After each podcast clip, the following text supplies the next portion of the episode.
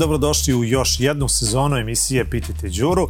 Kao što ste već navikli, možete postavljati pitanje iz raznih oblasti. Broj telefona 069-893-0023, to je Viber broj. Dakle, šaljite vaša pitanja na ovaj broj ili e, možete to isto raditi na Facebook, Instagram i Twitter mreži Pitajte Đuru ili vaša pitanja šaljite na e-mail adresu pitajteđuru.nova.rs i e, na početku svake sezone, pa tako i ove, molio bih vas da kada šaljete pitanja da one imaju što više informacija, jer onda lakše e, i brže doći do preciznih odgovora i na kraju krajeva ukoliko zajednički budemo imali sreće da, da rešimo i određeni problem. E sad, leto se polako približava kraju, međutim i tokom leta, iako nije bilo ove emisije, bilo je problema iz oblasti turizma, pa je zato između ostalog moj današnji gost i prvi gost u ovoj polusezoni Dejan Gavrilović e, iz udruženja Efektiva. Dejane, dobro dan, dobrodošao. Dobro dan, hvala na pozivu.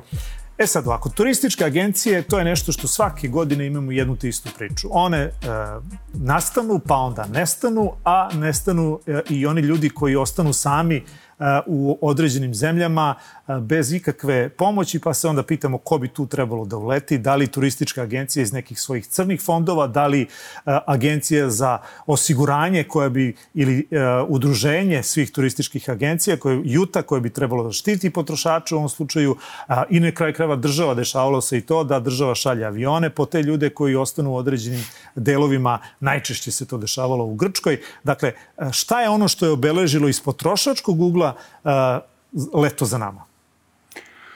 Pa problem broj jedan ovog leta sa turističkim agencijama i tim turističkim aranžmanima je bilo kašnje letova. Dakle, mnogo je toga bilo ne samo u okviru turističkih aranžmana, bilo je dosta kašnje letova i na redovnim linijama, ali pošto pričamo o turističkim agencijama, mi smo na vreme izašli sa javno sa nekoliko tekstova kojima smo, u kojima smo objasnili koja su prava potrošača, I tek nakon toga je zapravo i počeo da nam se javlja veliki broj ljudi, pošto tih e, kašnjenja je bilo gotovo svake nedelje.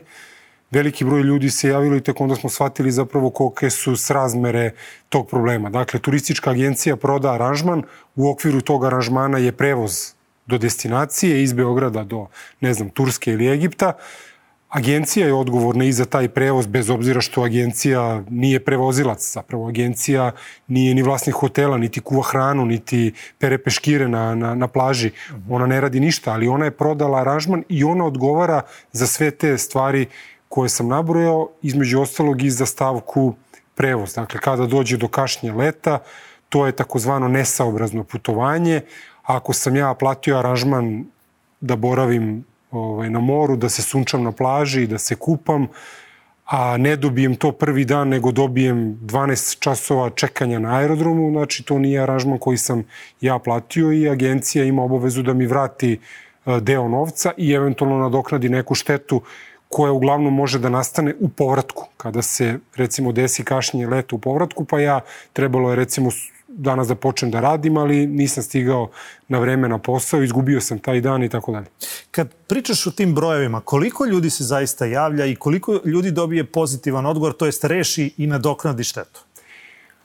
Pa, uh... Zašto te opitam? Pitate zato što ja mislim da agencije, time ispravi ako grešim, da agencije ukalkulišu u svoje, uh, svoj trošak to, e, e, ja mislim da oni knjiže kao trošak, da će od recimo od 100 ljudi javiti im se možda 10, 10 tih 10, da. jel tako, od tih 10 e, njih će, oni čak možda i kalkulišu da će svima pozitivno izaći u susreti i nadoknaditi taj trošak koji oni traže i prosto uh, oni su zadovoljni. Pa to, to, to je tačno, mada ja nemam dokaze za to, ali to je nešto što se dešava godinama unazad. Samo prošle godine bio drugi problem, bio je ona doplata za gorivo kad, koje su tražili. Ove godine toga nema, ali imamo drugi problem. Dakle, svake godine sa, sa turističkim agencijama ima nekih problema. I oni će reći, kada oni pričaju, oni kažu nije to do nas. Jeste, jer oni, uh, oni kažu nije do nas to što kasni avion. Pa jeste, vi ste napravili ugovor sa, sa avioprevoznikom. U tom ugovoru ste valjda definisali šta se dešava ako avioprevoznik kasni. Dakle, ne pada sve uh, sav, sav teret problema na, na, na pleća potrošača. Ovaj, sigurno je da oni to rade čak i kada im se jave od, određeni broj ljudi. Prvo oni kalkulišu sa tim, ako smo prodali hiljadu aranžmana, od tih hiljadu možda će 30% da se buni. 70% neće. Od tih 30% mi njih 10, 15, 20 njima da vratimo i ovi ostali će da se učute i to je to. I to se tako dešava. Mi smo baš izdvojili jednu turističku agenciju na kojoj je bilo dosta, dosta žalbi i objavljivali smo iz nedelje u nedelju. Dakle, jednom potrošaču odbiju reklamaciju, drugom vrate novac. Možemo li znati koja je to agencija? To je turistička agencija 1A Travel. Dakle, ja sam im čak i pisao i upozorio ih. Oni odgovaraju onako prilično bezobrazno, bahato, e, rekao bih da čak i krše zakon o zaštiti potrošača, o odgovaranju na te reklamacije jer upućuju na neku svoju pravnu, pravni tim. U stvari, to su advokati koje su oni angažovali da odgovaraju potrošačima. Ja kao putnik nemam veze s tim advokatima, hoću da mi agencija odgovori na, na, na reklamaciju.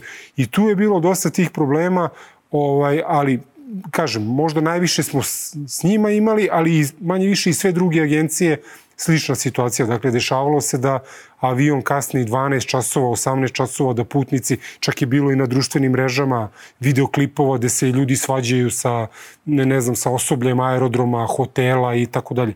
Dakle, to je ovog leta bio, da kažemo, najveći problem sa turističkim agencijama. I još malo da se zadržimo oko te tematike. Dakle, na, na mnogim društvenim mrežama, prvenstveno na Facebooku, uh, ja ne znam da li postoji neko kom nije iskočilo, eto, ukoliko vam je kasnio let, uh, prijavite, mi ćemo vam završiti tu priču oko, oko naknade troškova i tu se pominje tih 3 sata. Dakle, ako je ispod 3 sata, nikom ništa, ako je preko 3 sata, onda ide ta nadoknada štete. Dakle, šta je zaista po zakonu i da li su te neke agencije koje iskaču po društvenim mrežama prava adresa ili tu postoji put kako doći do nadoknade štete i to e, koliko se ja razumijem, dakle treba i kao što si ti rekao, treba prvenstveno tražiti u agenciji s kojom ste vi slopili ugovor s kojim idete na letovanje. E, tu treba napraviti razliku. Dakle, te agencije koje iskaču na društvenim mrežama njihove reklame, one se bave tom naknadom koju, na koju putnik ima pravo kada kasni redovna linija duže od 3 sata. Dobro. Dakle, ovde imamo turistički aranžman. Ovde je po zakonu jedino odgovorna turistička agencija. Znači, ovde pričamo o čarter letovima. Tako je. I dešavalo se da ljudi, ne znajući to, iskuče im, iskuče im ta, ta, ta neka ponuda i oni njima napišu mail, kažu kasnilo mi ovo, ih pitaju šta, kako, čim kažu preko turističke agencije, oni im kažu ne možemo da vam pomognemo. Čak i direktorat za civilne letove, dakle u mnogobrojnim odgovorima koje je davo putnicima, isto rekao kada je čarter let u pitanju u okviru turističkog aranžmana ili redovna linija u okviru turističkog aranžmana, odgovorna je agencija. A agencija i avio prevoznik onda rešavaju taj problem ko će kome da nadoknadi štetu. Dakle, putniku je odgovorna agencija. Kad je redovna linija u pitanju, onda može to, Dakle, kad je kašnje veće od 3 sata, pa ide naknada 250-400 evra, zavisi od uh, dužine, dužine leta ovaj, i postoje te neke agencije koje to rade. Imali smo, eh, da kažem, svedočenja nekih potrošača koji kažu završili smo to preko njih, ali te agencije uzimaju, da kažem, veliki procenat. One nam kažu negde 30-40% tog novca te agencije završe. Mi smo ponudili e, građanima koji imaju taj problem pre nekog vremena da nam se jave, obezbedili besplatnu pravnu pomoć za to isto, sve što dobiju, što, što im pripada, dakle po toj uredbi Evropske unije koja, koja definiše tu naknadu, dakle pripada putnicima, advokat naplati svoje, svoje troškove od, od avioprevoznika i to je maksimalno pošteno. E sad, šta sa nesaobraznim putovanjima? To se tako kaže, možda rogobatno zvuči, ali čisto da pojasnimo ljudima. Šta kad dođu dole? Dakle, šta je ono što a, potpišu kao ugovor i ponudu koju su platili, a šta je ono što dobiju? Evo, ja ću ti ispričati jedan a, moj ovoga leta primer. Ja sam išao preko agencije Way Out, a, išli smo u Tunis, A, I e, kada smo sleteli, samo su nas razvrstali po autobusima, svaku u svoj hotel i e, u hotelu niko nas živi iz agencije nije dočekao. Dakle, mi smo morali da se bakćemo sa time koliko ljudi dobro znaju engleski, većinom znaju francuski. Nismo dobili peškire obećane za svakodnevne za plažu, nego su nam ponudili market u okviru all inclusive hotela, market gde da, da kupimo te peškire. I sad, otprilike, isti ovaj procenat koji ti pominješ, ljudi koji se bunio je bio i tamo. Dakle, mi su bili vrlo blizu i hotela hotela, ja mislim da su to svi ispratili, uh, oni ljudi koji su reagovali onako kako ne treba, u suštini tu bilo i na neki način nasilja, gađali su ih tanjirima ili peškirima čime god im je bila isključena klima. Dakle, to su isti ti ljudi koji su putovali sa mnom u istom avionu. I ta agencija apsolutno se nije pobrinula, došli su nakon 2-3 dana da nude svoje aranžmane unutar Tunisa za raznorazne izlete. Dakle, šta u tom slučaju? Dakle, da li, je, da li ostaje sve samo na priči a, ili prosto a, i tu i ova agencija kalkuliše to kao nešto što je trošak unapred određen? Pa sve agencije kalkulišu sa tim. Dakle, ja sam siguran da sve agencije imaju taj neki određeni fond ili neku računicu unapred da će doći do nekih nepredviđenih okolnosti. Nesaobrazno putovanje, dakle, nije samo ovo što smo rekli malo pre kasnije avion, uh -huh. nego svako odstupanje od onih ugovorenih uslova. Dakle, piše mi tamo da ću dobiti sobu sa pogledom na more, a moja soba nije sa pogledom na more, to je nesaobrazno, nesaobrazno putovanje. Uh, ono što ono i ovog leta je takođe bilo raznih uh. Ali sa kime se ja tamo prepirem? Da li se ja prepirem sa menadžerom hotela ne, ne. ili se prepirem sa onim ko bi trebalo da bude tamo predstavnik agencije iz Beograda? Kao što sam rekao malo pre, dakle kada agencija proda aranžman, ona je odgovorna za sve. Dakle, uh, isto bi bilo kao kada bi recimo kupio televizor kod nekog prodavca, recimo Samsung, i on se pokvari posle, ne znam, tri meseca i onda ja uložim njima reklamaciju i oni kažu pa ne pravimo mi televizore, piše Žalite fabrici se. u Koreji. Ali po zakonu meni odgovara, potrošaču odgovara onaj komu je prodao uslugu. Dakle, agencija je odgovorna za sve. I ono u hotelu što nije saobrazno, dakle, suprotno je onome što je ugovoreno, odgovorna je agencija. E sad, putnik šta tu treba da uradi? Putnik treba odmah po saznanju za nesaobraznost, dakle tamo kad stigne u hotel i vidi da nešto nije po, po ugovoru, odmah treba da se obrati predstavniku e, turističke agencije najbolje pisanim putem ili da napiše mail turističkoj agenciji u Beogradu kako bi joj pružio mogućnost da ona to ispravi. Ako ne ispravi, putnik može da nastavi da, da letuje u tim nesaobraznim uslovima, ali onda ima pravo na umanjenje cene ili čak ima pravo da sam upodobi e, putovanje ugovorenim uslovima, a onda agencija mora da mu nadoknadi sve troškove koje ima. Ali mora da upozori, prvo mora da upozori agenciju na nesaobraznost. Dakle, uh, to, imali smo dosta žalbi, nema peškira, ne znam, e, prljavi su sudovi, nije hrana takva nego je onakva, ne znam, klima nije dovoljno dobro radila ili nije radila uopšte. Dakle, sad je sve to pitanje da li je to predviđeno ugovornim uslovima ili kategorizacijom hotela ili je to putnik smatrao da se to podrazumeva pa nije pitao, a tamo ga sačekalo, sačekalo iznenađenje, da kažemo loše iznenađenje. Da s ovom temom završimo, dakle, samo kratko. E, da li e, je ta relacija agencija-putnik jedina relacija? Dakle, ako znamo da se ovo ponavlja iz godine u godinu, Sada ne nabrojimo koje sve agencije, ali može se nabrojati možda na prsti jedne ruke koje nemaju ovakve probleme i koje zaista rade svoj profesionalni sve imaju, posao. Sve imaju. Dakle, šta ovde radi država? Šta radi resorno ministarstvo? Pa resorno ministarstvo ne radi ništa, trebalo bi da radi turistička inspekcija. Međutim, kao i kod tržišne inspekcije i kod svih tih... Nema ih dovoljno. Ne to je izgovor, to je izgovor, tako je. E, mi smo prošle godine objavili fotografije načelnice turističke inspekcije iz Niša, koji smo nekoliko puta upućivali prijave vezano za ponašanje turističkih agencija, nikad nismo dobili odgovor. A onda kad smo objavili da je ona u, u tri meseca obišla pola Evrope i postavili smo pitanje kako je to moguće, ovaj, da li to ima veze, da li... Išla je po prijavama možda. da li stvarno gospođa ovaj, ima tako dobru platu i, ili je to ima veze sa možda nekim e, ovaj, informacijama koje smo dobijali vezano za neku, neku našu prijavu, onda se ode tamo pa se kaže ja to mogu da vam gurnem po tepih, a dajte neko putovanje i tako dalje. I onda sam dobio informaciju da je velika panika zavladala među turističkim inspektorima u Beogradu, jer smo najavili da ćemo objaviti gde oni letuju i tako dalje. I onda se malo neke stvari su se pogurale, počele su da stižu ona rešenja za doplatu za gorivo i tako dalje. Međutim, ove godine su se opet malo uljuljkali, To je posao turističke inspekcije. Mi da imamo institucije koje rade svoj posao, možda se ne bi nikad ni upoznali, možda potreba za efektivom ne bi postojala. Nažalost, mi pokušavamo da ispravimo te neke krive drine koje nadležne inspekcije ne rade, odnosno oni saznanja o nepravilnostima ja osnovano sumnjam koriste kako bi došli do nekog, do nekog svog sitnog čara. I razgova, imao sam prilike da razgovaram, uh, ajde da kažemo, to je bilo ovako neformalno, sa vlasnikom jedne turističke agencije koji mi je rekao, e, nije trebalo da pričaš ono za turističke inspektore, znaš, napravio si im veliki problem. Ako sam ja napravio veliki problem time što sam rekao istinu, a nisu oni sami sebi napravili problem time što ne rade, nego, nego prave kombinacije sa turističkim agencijama, onda ja mislim da je to ipak njihov problem, a ne moj. Pomenuto i malo pred Drinu, ali ko će ispraviti možda Kolubaru, s obzirom da, ljudi, da su ljudima pro, protekli mesec do, došli uvećani računi za električnu energiju. A, čini mi se, sam pročitao na, na, na vašem sajtu, na sajtu Efektive, da je nešto oko 3000, je li tako? 3300 prigovora navodno je stiglo. Šta se tu desilo? Samo jedna rečenica na, da, da ono, nadovežem se. Mi smo do sada, ja mislim, jedno 150 ljudi, da kažem, pomogli smo im da pokrenu sudske sporove protiv turističkih agencija. Ako sud bude radio svoj posao kako treba, to su potrošački sporovi, ne plaća se advokat, ne plaća se sudska taksa. Ako sudovi budu radili svoj posao kako treba, a ne bi trebalo da bude drugačije, naučit ćemo agencije pameti kroz te sudske troškove koje će morati da plate, pa možda sledeće godine ovaj, bude manje problema sa njima. E, sada Ali, se vratimo na struju. Da. Što se struje tiče, dakle, to je problem koji, je, koji se javio polovinom avgusta, dakle, kad su počeli da stižu računi za, za, za jul, veliki broj ljudi nam se javio, uvećani računi i tako dalje i, i tu su bile razne priče. Javili su se meni neki bliski ljudi, ja lično nisam imao račun, mi je bio ok.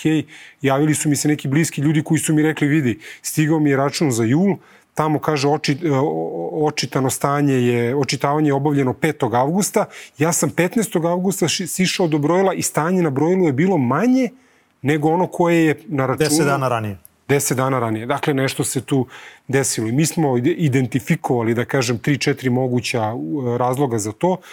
Objavili smo jedno upustvo šta mogu potrošači da urade. Veliki broj očigledno građana je to poslušao, pokrenuli su te, taj postupak reklamacije i evo prekjuče, juče ili prekjuče smo dobili odgovor od EPS-a da su oni primili 3300 prigovora, od toga je 50%, dakle 1600 i nešto. Opravdano. Je rešeno opravdano. Mm. To znači da je ipak bila neka sistemska greška. I oni kažu, mi smo tamo tražili da nam kažu ti opravdani prigovori na, na bazi čega su rešeni. Oni su rekli na bazi pogrešno očitanog stanja.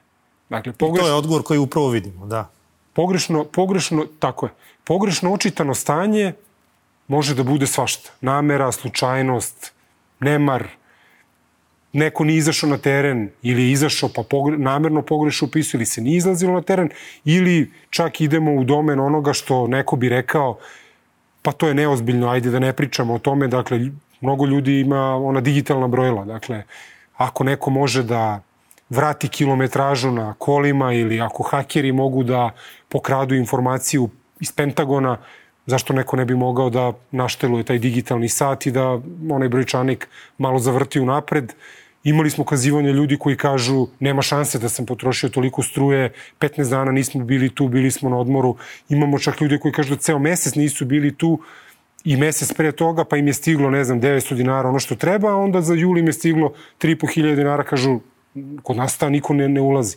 Dakle, mnogo je tu bilo tih uh, različitih problema i očigledno je da se nešto desilo, očigledno je da je došlo do neke, ajde, da kažem u najmanju ruku, sistemske greške, čim je 50% prigovora rešeno opravdano. I kad se vratimo na ono da samo desetak posto ljudi se buni, pitanje je šta bi bilo kada bi, se 100, kada bi 100% onih koji misle da su oštećeni poslali prigovore, Ako bi to uradilo, ne znam, pola miliona ili milion ljudi, da li bi i dalje 50% njih bilo oštećeno? Dakle, ogromna, znači ogromna to, brojka. Znači li to da će sledeći račun, za one ljude koji se nisu bunili, došao im uvećan prethodni račun, da će sledeći račun biti mnogo manji nego što je to realno, ako se stanje bude očitalo onako kako je sada zaista tako. Dakle, nemoguće da će dva meseca za redom da pogreše. Pa to ne znamo. Ako je neko, ako je neko sada upisao veću, veću e, cifru, veće stanje na brojilu, pa onda sledeći mesec uradi to ispravno, onda je logično da će za sledeći mesec da stigne manji račun. Ali ako je se neko igrao sa stanjima na brojilu i, da kažem, veštački uveć, uvećavao te cifre, onda nema, onda ne, nema razloga da, i, da sledeći račun bude manji. Možda bude isti, odnosno da bude pravo stanje ili ako se budu u EPS-u opet igrali sa tim, možda opet da bude uvećanih računa. E sad, igrali se neko sa, sa našim platama u smislu toga kolike su nam e, e, marže na, na trgovačke proizvode. Ovih dana je dosta bilo o tome razgovora, poredili smo se sa e, bližim okruženjem, možemo i sa onim koje, koji se tiče zapadne Evrope. Šta se tu zaista dešava? Dakle, da li je moguće da su trgovci toliko jaki, ti veliki trgovci, da oni mogu i diktiraju apsolutno trgovačke marže i da im država tu ne može ništa ili je država u nekom vrstu sadejstva, kartelskog sadejstva sa, sa velikim trgovcima? Pa ja bih pre rekao ovo drugo. Dakle, trgovci sigurno nisu jači od države, niko nije jači od države. Nažalost, država ima institucije samo na, na papiru i te inspekcije i ministarstva i tako dalje. To postoji samo na papiru ili postoji da bi ono što sam rekao malo pre neko ostvario neki svoj lični interes. Uh, ovaj, marže su velike i to vidimo na poređenju cena istog proizvoda kod nas i u zemljama okruženja, a čak i u zemljama zapadne Evrope. Dakle, po nekoj logici stvari, kad kažemo Nemačka, ljudi pomisle tamo su tri puta veće plate ili pet puta veće plate, sigurno su i cene veće. Ono ispada su tamo pet puta veće plate, a, a, a, a cene u radnjama, ne znam, 20-30% niže, niže nego kod nas. I mi već godinu i po dana unazad sigurno konstantno radimo ta poređenja, prikazujemo cene. Čak isti trgovinski lanac koji posluje kod nas i u Hrvatskoj i u Nemačkoj i tamo cene budu jeftinije, kod nas bude to skuplje. I mi ih pitamo zašto oni kažu pa tamo kupimo više, ovde kupimo manje, rabat i prevoz i tako dalje, ali to je nemoguće da bude tolika A šta radi Agencija za zaštitu konkurencije? Komisija za zaštitu konkurencije, ona ima jako dobra ovlašćenja. Međutim, Komisija za zaštitu konkurencije očigledno ne radi svoj posao. Pa reći ću samo primer, mi smo pokrenuli, podneli smo prijavu protiv, protiv Mastercarda još pre nekoliko godina vezano za one međubankarske naknade i tako dalje. Ja mislim da ima 3-4 godine da taj predmet stoji u komisiji zašto konkurencije je u niko ništa. Svaki put kad pitam šta dešava, oni kažu još uvek je u radu pazi, napravi, e, napraviše ljudi Beograd na vodi, ne znam, izgradio se grad i naprave grad u pustinji ili naprave most preko, preko okeana, a komisija zašto konkurencije ne može da reši jednu prijavu. Dakle, i tu postoji taj, da kažemo, nerad, da li su i tu neki lični interesi ili neko kaže ne diraj to, ne postupaj po tome, ali nastavlja se ta situacija da mi imamo uzmemo jedan proizvod, poredimo cene i među tim velikim trgovinskim lancima poznatim, te cene su tu negde, osim ako nije negde kod nekoga na sniženju. Što je takođe možda dogovor između velikih prodavaca u Srbiji. Tako je. Kartelsko dogovaranje, kartelsko udruživanje, Ima tu je, prostor, leka? tu je prostor za delovanje Komisije zašto konkurencije, nažalost, mi nismo Znači, imali... opet se vraćamo na državu. Tako je ja sam siguran, e, iako nemam dokaze konkretne, ali evo sve ovo o čemu pričam su verovatno dokazi da iza svega toga stoji država. Dakle, dokle god, dokle god imamo situaciju da kupovna moć ne opada, iako trgovci dižu cene i država na tome profitira jer na veću osnovicu veći je i PDV, je tako? A onda kad smo dobili informaciju da prvi put pada kupovna moć e, stanovništva, čini mi se za drugi kvartal ove godine, da je pala kupovna moć, e, da je potrošnja pala za nekih 6%, evo danas smo imali prilike da vidimo da predsednik nudi neke mere, proizvodi koji će da budu sa nižim maržama, čak navodno i negativne marže i tako dalje. I to me podsjetilo na priču o švajcarcima gde smo 10 godina pokušavali da nešto rešimo, čak i kod njega bili na sastanku i tako dalje. I ništa se nije e, dešavalo dok Vrhovni sud nije zauzeo stav o nezakonitosti tih kredita i kad su kola krenula nizbrdo, onda se desilo da država hoće da uskoči u to i kaže ajde evo da bude da smo i mi nešto rešili, tako da me ova današnja situacija podsjeća na to. Prošlogodišnji bilansi, ja sam ih gledao, jedan trgovac poznati, najpoznatiji, marža 43%. Dakle, nabavna vrednost prodate robe toliko, prihod od prodate robe toliko, kad izračunate 43% je marža zvanično po bilansima. I to, do, i to dovoljno govori. Dovoljno govori da recimo nedavno smo objavili, prošle nedelje, ja mislim, primer neke šunke koja u svim velikim ovim trgovinskim lancima, u, u, ovde recimo u Beogradu, košta 1000 dinara, a u jednom manjem lancu kog nema, čini mi se u Beogradu, 750, dakle van, van Beograda.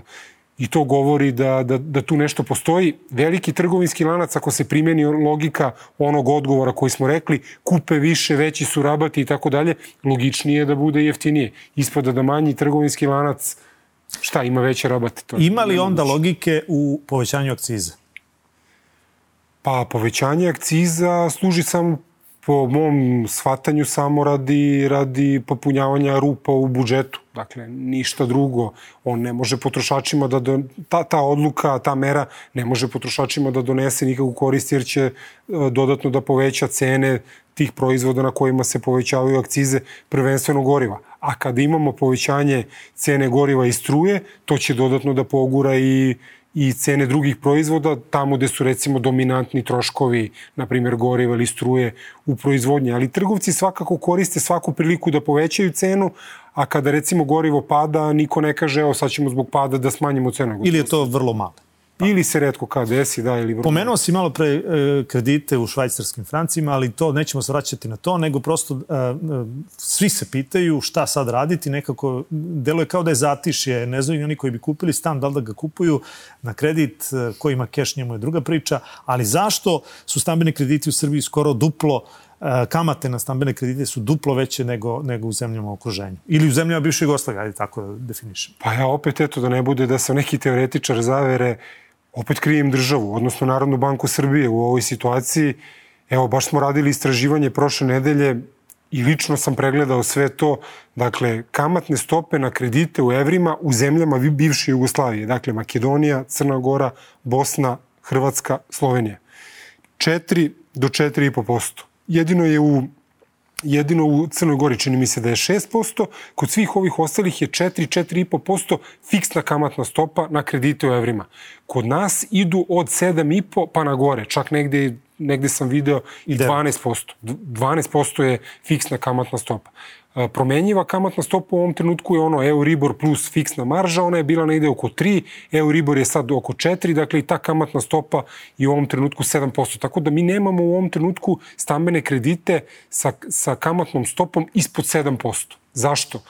Uh, kažu bankari, i oni koji zastupaju njihove interese, pa to zavisi od izvora finansiranja i mi pozajemljujemo novac i faktički je njima u nabavnoj ceni taj Euribor. To nije tačno dominantan izvor finansiranja banaka su, su depoziti građana, a znamo da su kamate na štednju 1,5, 2 do 2,5%. Dakle, ako banke daju 2% na novac koji kupuju od građana, zašto ne mogu da ga prodaju po 4, 4,5 ili 5? mogu, ali ne žele to da urade jer ih, jer ih niko ne dira, niko im, niko im ne brani da rade ovo što rade i one zarađuju, uh, uh, dakle, dakle stiču veliki, veliki profit upravo na toj razlici. Šta je radila Hrvatska? Doneli su, doneli su jednu odluku prema kojoj kamata na stambenom kreditu i postojećem stambenom kreditu ne može da bude veća, čini mi se, od 3,79. Dakle, bez obzira na to da li je meni ugovoru definisano to kao zbir marže i euribora, ona ne može da pređe 3,79. Dakle, procena je da banki sa takvom kamatom neće imati gubitke. Nažalost, Kod nas Narodna banka uh, Srbije, videli, gledao sam posljednju konferenciju E, koju imala guvernerka i neka izjava je bila posle toga, oni štite interes banaka i kažu pa ne možemo mi da se mešamo tako i uvek se traži izgovor neki kao nekada za švajcarce, sada za ove evro kredite, kažu pa zašto bismo mi nešto preduzimali, to bi bilo, a šta sa onim ljudima koji nisu kupili stan nego su ostali da žive kod roditelja i tako dalje. Dakle, uvek se traži izgovor neki da se neke dve grupe sukobe kako bi ovi rekli zašto njima da se pomogne, eto ja nisam. Znači li to da Narodna banka Srbije u ovom slučaju stoji na strani banaka, a ne građana? Pa u velikom broju slučajeva i kod kredita u švajcarcima i nadalje Narodna banka Srbije je stajala na strani banaka. Čak i kada smo mi došli u posed papira kojim, bank, kojim Narodna banka Srbije upozorava banke na nezakonitost naplate troškova obrade kredita, kada sam ja sa tim izašao u javnost i pričao o tome, oni su to demontovali i rekli to nije tačno, mi to nikad nismo radili. Iako sam imao dokument u rukama i pokazivo ga. Dakle, njihov posao je očigledno da zaštite interes banaka u interesu građana ih, interes građana ih ne zanima previše. Zato smo mi, dakle, jedina zemlja u, u, u regionu od zemalja bivše Jugoslavije i od zemalja ostalih u okruženju, mi imamo najveće kamatne stope koje su maltene duplo veće od onoga što daju recimo banki u, u Bosni i Hercegovini, što mi je onako nelogično. Kad to govoriš, koliko je takvo stanje održivo e, i s druge strane, šta ima li tu ikakvog saveta za ljude koji imaju nameru da kupe stan na kredit? Za Čekati, kupovati, za, šta raditi? Za sve ovo što pričamo od početka, i možda ćemo se dotaći i cene goriva i šta god. Dakle, stanje je održivo dokle god se građani ne bune. Kad su krediti u pitanju, dokle god građani plaćaju uredno, oni gledaju statistiku i odmah su rekli, pa statistika je zadovoljavajuća, nema problematičnih, ne raste procenat problematičnih kredita, znači možete da plaćate, zašto bismo delovali po tom pitanju. Dakle, to je njihova logika. Dokle god negde ne dogori, što se kaže, oni neće preduzimati Znači, ništa. dok ne budemo imali situaciju kao sa švajcarcima, ovako će biti kako je sada. Siguran sam da je tako. Dakle, ja, e, evo, ja bih volao da me demantuju, ali ja sam siguran da će biti tako, jer svaka njihova izjava ide u prilog tome da oni uh, pokušavaju nama da objasne zašto to treba da ostane tako i zašto oni ne treba da preduzmu ništa, a ne da kažu, e, uradit ćemo to, ima logike, zašto da mi budemo najgori u regionu. Dakle, to ih ne zanima. I za kraj jedna tema sa ulica Beograda. Vi ste fotografisali zajednička ekipa, išli ste po terenu i e, na nekoliko lokacija uvideli ste da parking servis Beogradski naplaćuje parking na mestima gde nije smelo da se naplaćuje parking zato što za to ne postoje saobraćeni uslovi da bi to bilo zaista parking mesto. To vidimo slike sada gledalci vide slike kako se kako to izgleda. Ovo je, čini mi se, Dubljanska ulica, je ne, tako? to je internacionalni brigada, brigada, da, deo između Moravske i Braničevski. Uh -huh. Dakle, vidimo i sa jedne i sa druge strane table, naplaćuje se parkiranje i levo i desno. Evo ovde pokazuje strelica đake koji hodaju uh -huh. kolovozom jer ne mogu, jer nema da idu, trotoara. ne mogu da idu trotoarom. Ovaj, Član 60, 66 zakona o bezbednosti saobraćaja kaže da je parkiranje na trotoaru dozvoljeno ako između parkiranog vozila i ograde zida, ili zida ima je. prostora od minimum 1,6 metara. Ovde, ovde nema ni, ne znam da li ima 30 cm. Uh -huh. I pre 17-18 dana uh, mi smo uputili dopis sekretarijatu za saobraćaj, obavestili ih o, o ulicama, dakle tačno smo naveli i brojeve i sve, gde smo uočili e, nezakonito obeležena parking mesta, tražili smo da reaguju, da se ta parking mesta uklone. Evo danas sam opet dobio treći put šablonski odgovor naši stručnjaci rade na tome i tako dalje. Kakvi su stručnjaci tu potrebni? Potreban, mogli... je, potreban je metar da se izmeri. Ne, ali ovde se postavlja pitanje kakvi stručnjaci su bili, pa od, odobrili parking servisu da e, iscrta ova parking mesta i da nezakonit način da naplaćuju parkiranje. Dakle, e... Moja, moj utisak je, i znajući, pošto znam dosta stvari, moj utisak je da u tom sekretarijatu za saobraćaj sede neke ćate. Možda su to tamo i ljudi, znam da imaju ljudi pred penzijom i tako dalje, koji njima zapravo parking servis, iako formalno je sekretarijat tu iznad, ja sam siguran da parking servis njima diktira šta treba da im odobre. Zato što donosi novac. Tako je, šta treba da im odobre, da im aminuju i tako dalje. I siguran sam da je ovo dobrim delom maslo parking servisa. Ja sam danas uputio uh, i dopis direktno direktoru pravne službe parking servisa i pitao sam ga šta će se desiti ako neko dete ovaj, ne da Bože, bude povređeno, jer Pre neki dan je, mislim da je baš i ekipa Nove S, baš smo tamo bili snimali i videli su i oni da deca hodaju kolovozom, a već je uzano, dakle kako su parkirana vozila i taj kolovoz je već uzan, bukvalno i kad najđe auto ljudi moraju da se uvuku one džepove između automobila da ih, da ih neko ne bi udario. Dakle, to je problem nekada se neki drugi problemi nisu rešavali, pa je dolazilo do nekih tragedija, pa je onda bilo sistem radi i tako dalje. Evo ja već 18 dana pokušavam da ih nateram da sistem proradi, ali sistem ne reaguje. Možda sistem neće da proradi dok se vi ovako ovaj, i svi mi dopisujemo s njima. Možda je tu potrebna akcija, najavljuješ neku akciju o čemu se radi. Danas idemo da ukinemo dva parking mesta, počećemo od ta dva, ovaj, dakle skinućemo ili prelepit ćemo zapravo ove table koje označavaju da je tu dozvoljeno parkiranje i prefarbaćemo one linije koje se nalaze na kolovozu, ajde da kažem na simboličan način ćemo da ukinemo ta parking mesta jer su ona svakako, svakako nezakonita. A za sledeću nedelju ili onu tamo ćemo pozvati građane baš vezano za ulicu internacionalnih brigada, jer je tu problem, da kažemo onako, baš najžešći. Dakle, javno ćemo pozvati građane u određenom terminu da dođu sa četkama i farbom, skinućemo te znakove. Dakle, nemamo nameru ništa da uništavamo i da krademo, skinućemo znakove, vratit ćemo ih sekretarijatu i obavestit ćemo ih da smo ukinuli ta parking mesta, jer su svakako bila nezakonita. Dene, hvala ti puno na izdvojnom vremenu i na današnjem razgovoru.